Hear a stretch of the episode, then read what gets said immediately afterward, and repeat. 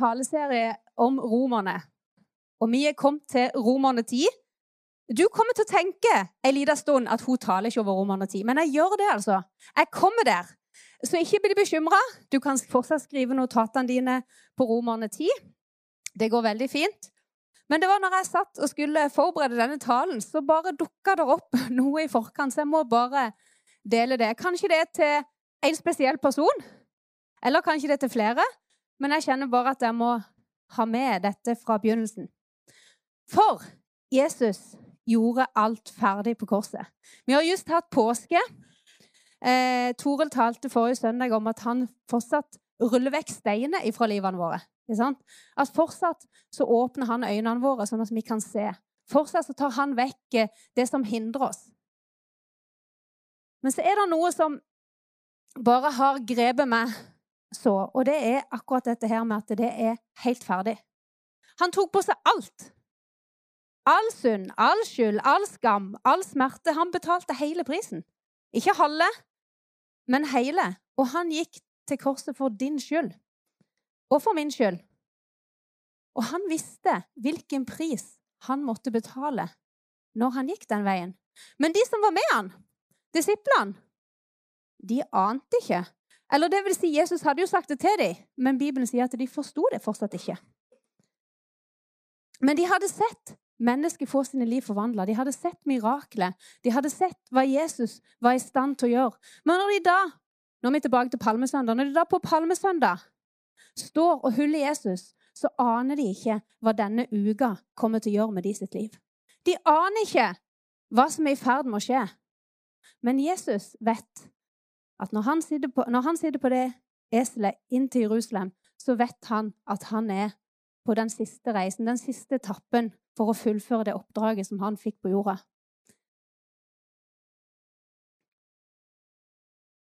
I Markus så står det Markus 15, 37-39. Men Jesus ropte med høy røst og utåndet. Da revnet forhenget i tempelet i to, fra øverst til nederst. Men da offiseren som sto rett foran ham, så at han utdannet mens han ropte, sa han, sannelig, dette mennesket var Guds sønn. Og hvis vi leser det samme i Johannesevangeliet, kapittel 19, vers 30, så står det Da Jesus hadde fått den sure vinen, sa han, det er fullbrakt. Så bøyde han sitt hode og oppga sin ånd. Jeg liker veldig godt den engelske oversettelsen her. Fullbrakt det er, liksom, det er et ord som ikke brukes så mye. Men på engelsk står det 'it is finished'. Altså, det er ferdig. Og hva betyr det når noe er ferdig? Altså, Hvis det er ferdig, så kan du ikke få gjort noe mer. Det er ikke sjans. Er det ferdig, så er det ferdig. Og det, det Jesus sier, det er ferdig. Forhenget hadde revna ifra toppen til bunnen. Han åpna veien inn til Gud. Han gjorde alt helt ferdig. Så vi kunne ikke legge noe til eller trekke noe fra. Men det var helt, helt ferdig. Han tok på seg alt der og da. Han overvant døden for deg og for meg. Og hvorfor? Fordi Gud lengta etter det fellesskapet igjen med menneskene. Så valgte Jesus å gå veien til korset. For han som skapte det, han som ser det, han som forma det, han ønsker å ha et liv sammen med deg. Og det er fantastisk. I Romerne 5,8 så står det Nei, vi i hvert fall i Romerne her. Men Gud viste sin kjærlighet til oss ved at Kristus døde for oss mens vi fortsatt var syndere. Det vi trenger vi faktisk å gripe. Vi trenger å ta det inn i hjertet. At det handler ikke om prestasjonene våre på noen som helst måte, for han døde mens vi fortsatt var syndere. Det avhenger ikke av hva jeg kunne få til, eller hva du kunne få til der og da, men han døde mens vi fortsatt var syndere. Vi kan ikke gjøre oss fortjent til livet med Jesus. Og jeg tror noen av oss, noen av oss kristne òg, vi prøver liksom å gjøre oss fortjent til å være sammen med Jesus. Men det er ikke det det handler om, for det er bare nåde. Han har betalt alt.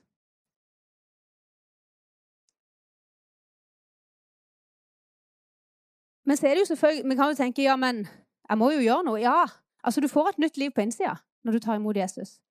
Og det er jo ikke sånn at man på en måte lever helt sånn som man gjorde før. Men det er jo ikke det det handler om. Men det handler om at det jeg gjør, det er ikke det som gjør at jeg blir frelst. Det jeg gjør, det er ikke det som gjør at jeg har et liv med Gud. Det jeg gjør, det kommer av liv med Gud. Det er motsatt. Når vi har Gud på innsida, så forvandles livet vårt fra innsida ut fordi Han lever i oss. Ikke motsatt. For det er i møte med Han da skjer en forvandling med oss. I møte med Hans kjærlighet, i møte med den Han er, så skjer det en forvandling på innsida. Det blir naturlig. Det er ikke noe man i utgangspunktet prøver på. Man gjør jo det for man tar et valg. Men det handler om at det livet Han legger ned i oss, det gjør noe med oss. Og vi ønsker, vi får en lengsel etter å justere livene våre etter sånn som Han vil vi skal leve. Etter det som vi vet er godt for oss, fordi Han har sagt det i sitt ord. Men det handler ikke om et strev. Det handler om at Han legger det ned på innsida av oss. Jeg husker eh, da jeg var ungdom, faktisk egentlig fra litt før jeg var ungdom, så opplevde jeg at jeg måtte være på en spesiell måte for å bli frelst. Jeg tenkte at jeg måtte gjøre noe, jeg måtte forbedre meg, jeg måtte leve perfekt, egentlig. Eh, og jeg følte alt handla om hva jeg ikke kunne gjøre. Hva jeg ikke fikk lov til å gjøre. Det var liksom regler for det ene og for det andre hele tida. Og den standarden klarte ikke jeg å leve opp til. Jeg hadde ikke sjans. Så jeg ga bare opp. Jeg tenkte dette er i hvert fall ikke noen ting for meg. Jeg prøvde, men det gikk ikke. Og derfor så tok jeg, og jeg tror mange faktisk gjør det, tok fullstendig avstand. Fordi at eh, jeg visste på en måte at det var noe der, men jeg klarte liksom ikke å nå det. Men jeg hadde jo misforstått, ikke sant? Det var faktisk først når jeg gikk i tredje klasse på videregående, det begynner å bli lenge siden, 24 år siden, så møtte jeg noen ungdommer. Det var først da jeg skjønte at det handla ikke om hva jeg kunne gjøre, men det handla om hva han allerede hadde gjort for meg. Og det var fordi at disse ungdommene, og det er her jeg tenker vi kan eh, gjøre noe med hvordan vi møter mennesker Disse ungdommene de var bare 18 år gamle. De pekte ikke på mitt liv en eneste gang, men de pekte på Jesus. Og så pekte de på hva han hadde gjort for meg. Det var ikke et ord om alt jeg gjorde galt. Det var ikke et ord om det livet jeg hadde levd. Men de viste meg Jesus gjennom det livet de levde. For de hadde virkelig møtt Jesus. De hadde fått sine liv forvandla. De hadde sett hva han kunne gjøre med mennesket. Og der skjønte jeg at han hadde gjort alt ferdig for meg. Fortsatte jeg da å leve det livet jeg levde før? Nei, jeg gjorde ikke det. Og jeg vet mange opplever at med en gang sånn så blir det på en måte bare helt bra. Jeg gjorde ikke det. Jeg måtte jobbe med ting. Jeg måtte ta tak i tankemønster, jeg måtte ta tak i ting som hadde blitt så galt, og gå skritt for skritt. Men det skjedde fra innsida ut. Ikke fordi et menneske sa til meg at du må gjøre sånn, men Den hellige ånd fortalte meg her er det noe du skal ta tak i. Her er det noe du må jobbe med. Og så fikk jeg lov til å gå skritt for skritt.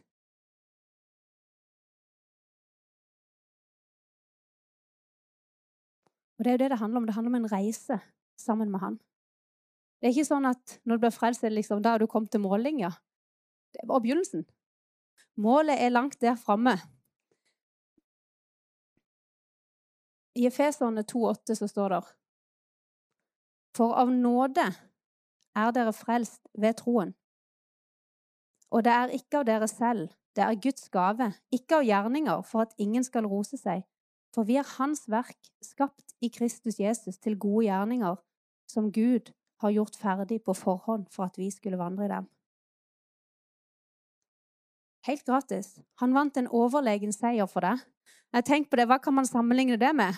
Jo, jeg gjorde det på ungdomsmøtet, så sa jeg ville kanskje vært hvis eh, gutter 13 spilte mot eh, FC Barcelona eller noe sånt. Da blir det overlegen seier, ikke sant?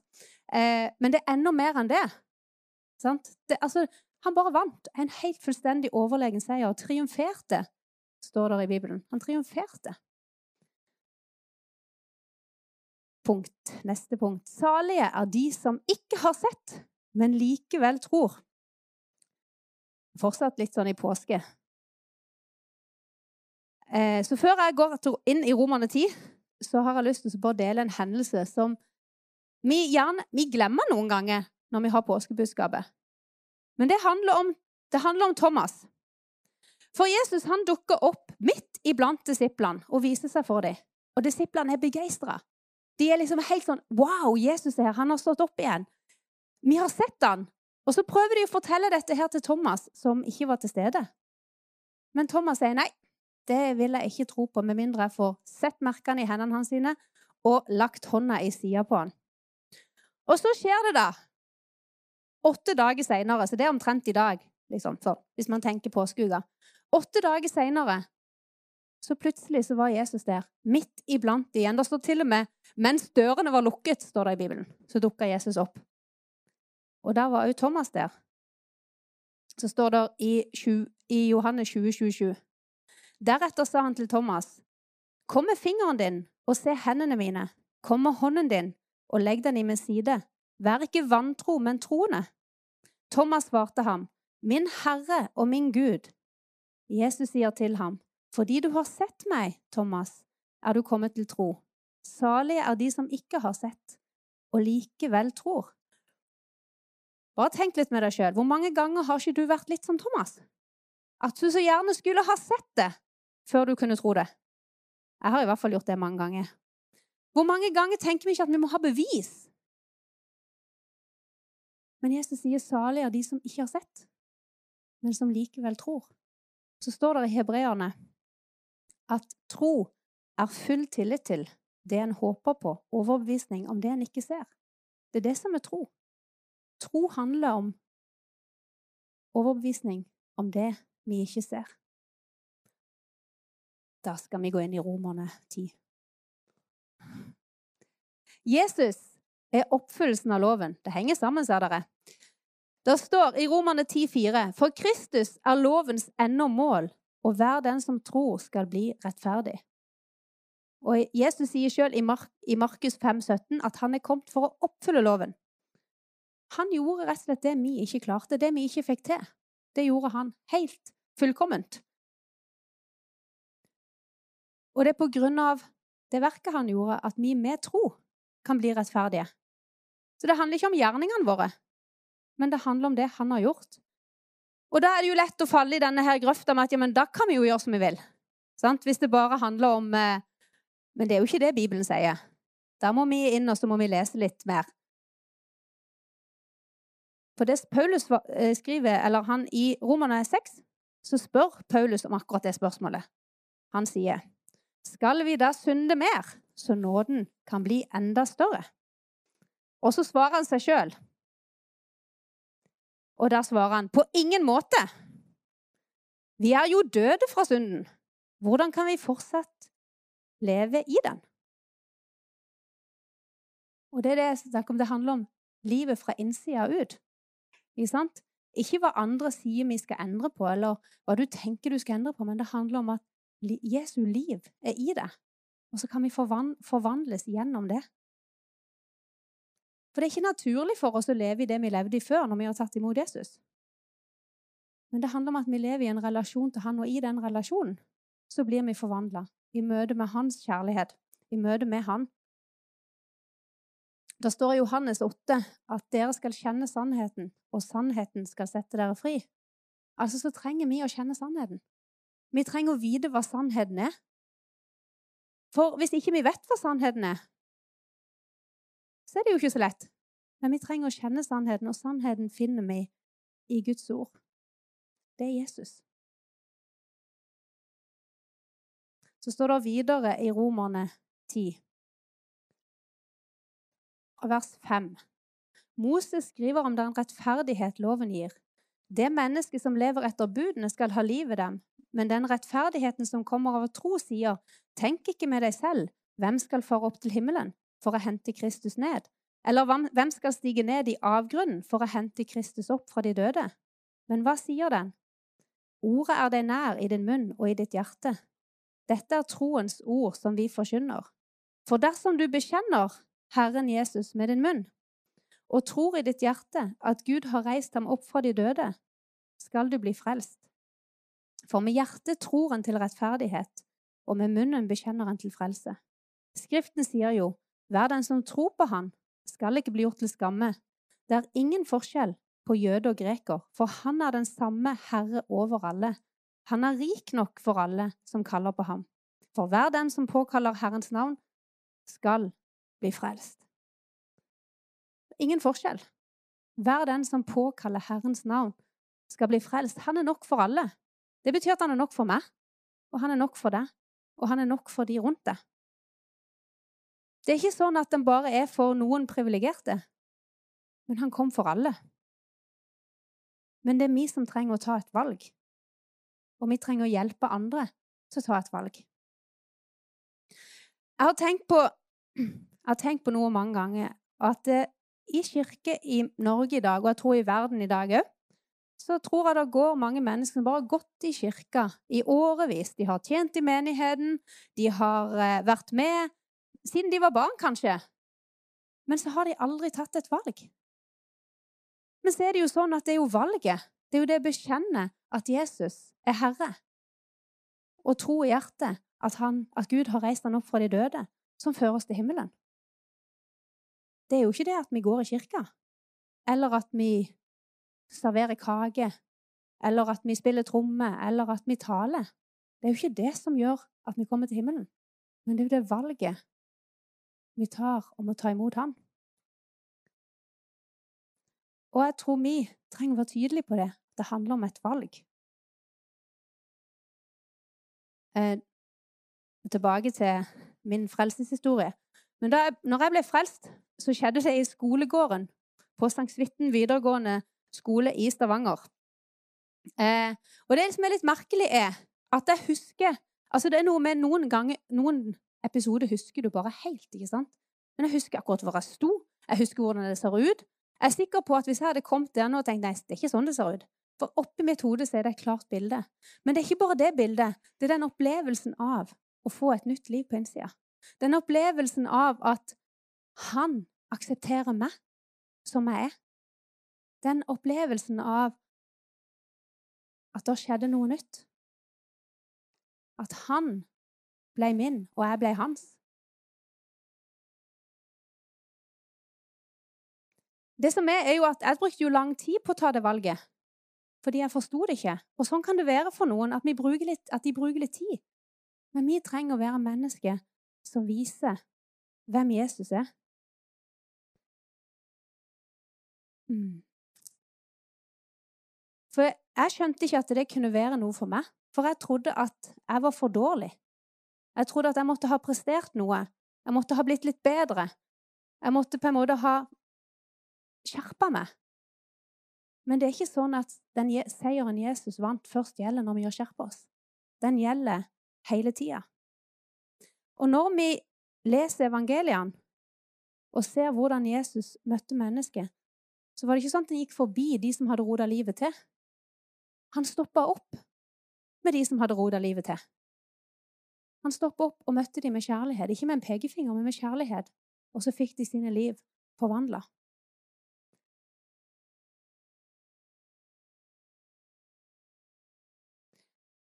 Og før jeg, før jeg ble frelst, hadde jeg rota det skikkelig til. Og det er en annen historie, så det skal vi ikke ta nå. Men jeg hadde rota det skikkelig til og sleit veldig med masse angst, med spiseforstyrrelse, med vanvittig mange ting som gjorde at tankene og hva jeg tenkte om meg sjøl og hva jeg tenkte om verden, var blitt helt ødelagt. Og når jeg da tok imot Jesus, så som jeg sa, så var det ikke sånn at plutselig så bare ble det bra. Men det handla om vandringa med Jesus og valget om å følge han. Og det tror jeg mange kan kjenne seg igjen i, at man kan fortsatt ha tankekjør selv om man er kristen. Man kan fortsatt oppleve at ting går imot selv om man er kristen. Men det handler om at man velger Jesus midt oppi det. For jeg måtte bytte ut tankemønster som jeg hadde lært meg med det jeg fant i Bibelen, med de sannhetene jeg fant i Bibelen. For det troen kommer nemlig av det vi hører. Og Det står det om videre i Romerne 10. Hvordan kan de da påkalle ham eh, Hvordan kan de da påkalle ham de ikke er kommet til tro på? Hvordan kan de tro på ham de ikke har hørt om? Og hvordan kan de høre uten at det er noen som forkynner? Og hvordan kan de forkynne hvis de ikke blir utsendt? Som det står skrevet, hvor, eh, hvor deres føtter er vakre, som forkynner fredens evangelium. Som forkynner evangeliet om de gode nyheter. Men ikke alle var lydige mot evangeliet, for Jesaja sier, 'Herre, hvem trodde det budskapet han hørte av oss?' Så kommer da troen av det en hører, og det en hører, kommer ved Guds ord. Og som jeg sa, at disse ungdommene jeg møtte, de pekte på Jesus. De snakka om hvem Jesus er, men det handler ikke bare om ordene. Det handler om livet de levde. Og de viste med livet hvem Jesus er. Og det er jo en måte vi forkynner på. Vi forkynner jo med livene våre. Vi forteller hvem Jesus er, med hvordan vi lever. Men mennesket trenger at vi formidler hvem Jesus er. Og da trenger vi å ha et sant bilde av hvem Jesus er. Da trenger vi å vite, vi trenger å kjenne hvem Jesus er. Og det skjer jo i relasjonen med Jesus. Det er der vi lærer han å kjenne. Og det er vi som kan formidle det. Vi kan noen ganger tenke ja, men det er evangelistene. Nei, men det er ikke det. Det er du, og det er meg, som formidler hvem Jesus er, til de rundt oss. Og det er vi som trenger å være fullt av Han, sånn at mennesker rundt oss kan oppleve Hans kjærlighet. For det handler om at vi lar oss forvandle i møte med Han, at vi lar oss forvandle av Hans ord. Og vi trenger jo da at Hans kjærlighet blir synlig i oss. Nå sier Bibelen at Jesus har utøst sin kjærlighet i våre hjerter. Så det er heller ikke et strev, men det handler om det livet som Han allerede har lagt ned i oss, som vi kan få lov å la flyte ut av oss på grunn av Han, ikke på grunn av meg eller hvor flink jeg er, eller du, eller hvor flink du er men på grunn av den kjærligheten som han har lagt ned i oss. Men hvis troen da kommer av det vi hører, da handler jo ikke det bare om hvis vi hører Guds ord. Det handler om alt vi hører. Har du tenkt på det? Så hvis du forteller deg sjøl gang på gang at du er dum, så tror du på det. Hvis du forteller deg sjøl gang på gang at 'dette får jeg ikke til', eller 'jeg kan ikke bli noen ting', eller 'jeg kommer aldri til å fullføre skolen', eller 'jeg får aldri en ny jobb', så begynner man begynner å tro på det man bekjenner ut, det man sier. Og noen ganger er det faktisk sånn at de tingene kan bli sannhet i våre liv. Eh, og det gjelder ikke bare for barn. Eh, at hvis man forteller et barn sånne ting, så tror de på det. Men det gjelder òg for oss voksne. At hvis vi hører det nok ganger, og ikke har noe som står imot det, så begynner vi å tro på det. Eh, dette har jeg fortalt før, men når jeg ble frelst, så trodde jeg f.eks. at jeg ikke var god nok. Jeg trodde at jeg ikke hadde verdi. Jeg trodde at det hadde vært bedre at jeg var død. Jeg trodde at alle hadde hatt det bedre uten meg. Alle disse her var jo tankemønster som hadde blitt til fordi at jeg hadde blitt fortalt det opp igjennom i ganske, ganske mange år. Og da var, var på en måte jeg gjorde det, jeg måtte bytte de ut. Så tenker ja, men det er ikke så lett. Nei, det er ikke lett. Fordi at det handler ikke om at du tar tak i det bare alene, men du gjør det sammen med Gud. Og så må man bytte ut med de sannhetene som man finner i Bibelen. Og så handler det om hvilke filter vi har. For mitt filter, det var litt dårlig. Det var sånn at hvis da Grete hadde sagt meg 'Å, du er så, du er så flink, Bjørg Marie', så hadde mitt filter sagt 'Nei, det er ikke det, sier du bare for at jeg skal bli glad'. Sånn, det hadde vært mitt filter på den tida. Ikke sant? Og sånn kan vi ha. Vi kan ha filter som gjør at ikke vi tar imot det positive. Som gjør at ikke vi tar imot sannheten. Og det, de filtrene, det er de vi må endre på. For det er de sannhetene som har blitt, eller det har blitt sannhet i våre liv, men så er det løgner. Så vi trenger å ha et filter som er Guds sannhet om oss. Og heldigvis kan filteret endres. For dersom du er trygg på hva Bibelen sier om deg, dersom du er trygg på hvem du er i Jesus, hva han har gjort for deg, så er det sånn at hvis noen da kommer med et negativt ord eller løgner om deg, så vet du hva som stemmer. Da vet du at nei, jeg har verdi. Gud har skapt meg. For det treffer ikke det som du har inni deg. Det treffer det motsatte. Og det er det Bibelen snakker om når vi skal ta enhver tanke til fange under lydigheten. Guds ord. ikke sant? Vi skal ta tankene til fange, og så bytter vi det ut med de sannhetene som vi finner i Guds ord. Og kanskje du er her i dag som har hørt mye negativt. Kanskje du tror på løgnene om deg sjøl. Kanskje du ikke engang vet at det er løgn. Men kanskje du kjente nå at ja, kanskje det er ikke helt sant. Da trenger du å finne sannhet om hvem du er i Jesus. Hvem han har skapt deg til å være. De sannhetene finner du i Guds ord. Kanskje du er en situasjon hvor du føler deg helt maktesløs.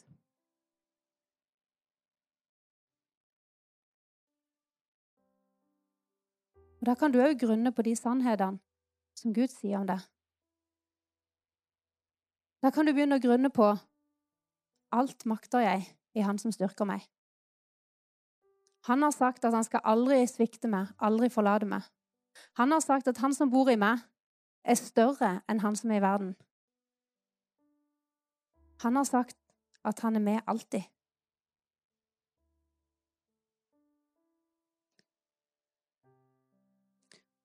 Og Så kan du stille deg sjøl spørsmålet hva betyr det at han har sagt at han aldri vil svikte meg, aldri vil forlate meg? Hva betyr det for meg at han som bor i meg, er større enn han som er i verden? Eller kanskje du føler at Gud er langt borte? Kanskje du føler du ikke har noen verdi, ikke god nok? Da kan du begynne å tenke på, eller grunne på, hva det betyr at han så deg før du ble det. At han har skapt deg i sitt bilde. At han forma deg. At han har tegna deg i begge hendene sine. At han døde for deg. Det fins mange, mange flere. Hvis du er redd, så kan du kanskje begynne å, begynne å grunne på hva det betyr at Guds kjærlighet driver frykten ut, og hans kjærlighet er i det. Og Det finnes så mange eksempler, men det det handler om, er at vi velger å ta til oss Guds sannhet. Vi velger å fylle oss med det som Bibelen sier. Og så er ikke dette her en sånn 'du må lese så og så mye'. Det er ikke det det handler om. Men vi gjør det fordi det er bra for oss. Vi gjør det fordi at vi ønsker å leve det livet som Gud har for oss. Vi ønsker å ha tankene våre sanne. Og da må vi velge hva vi fyller oss med. For hvis filteret vårt bare er masse videoer med masse tull og tøys, eller eh, det kan være krimserie, eller det kan være masse musikk med masse banning, eller hva det måtte være Hvis det bare er det, så blir jo filteret det. Så det handler jo om hva vi fyller oss med.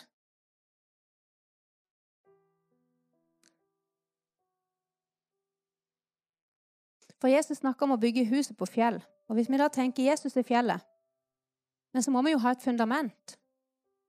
Og hvis fundamentet mitt er dårlig, så kan huset dette ned allikevel, selv om det er bygd på fjell.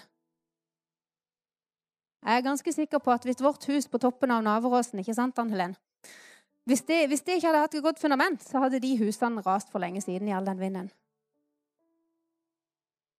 Men fordi det er et godt fundament, så står det Og fundamentet vårt, hvis vi tenker at Jesus er fjellet, så er fundamentet vårt det vi bygger. Og da trenger vi å bygge på Guds sannheter. Vi trenger at fundamentet vårt er sannheten om hvem Gud sier at vi er. Gud, hva Gud sier at han har gjort. Vi må kjenne hvem vi er i Jesus.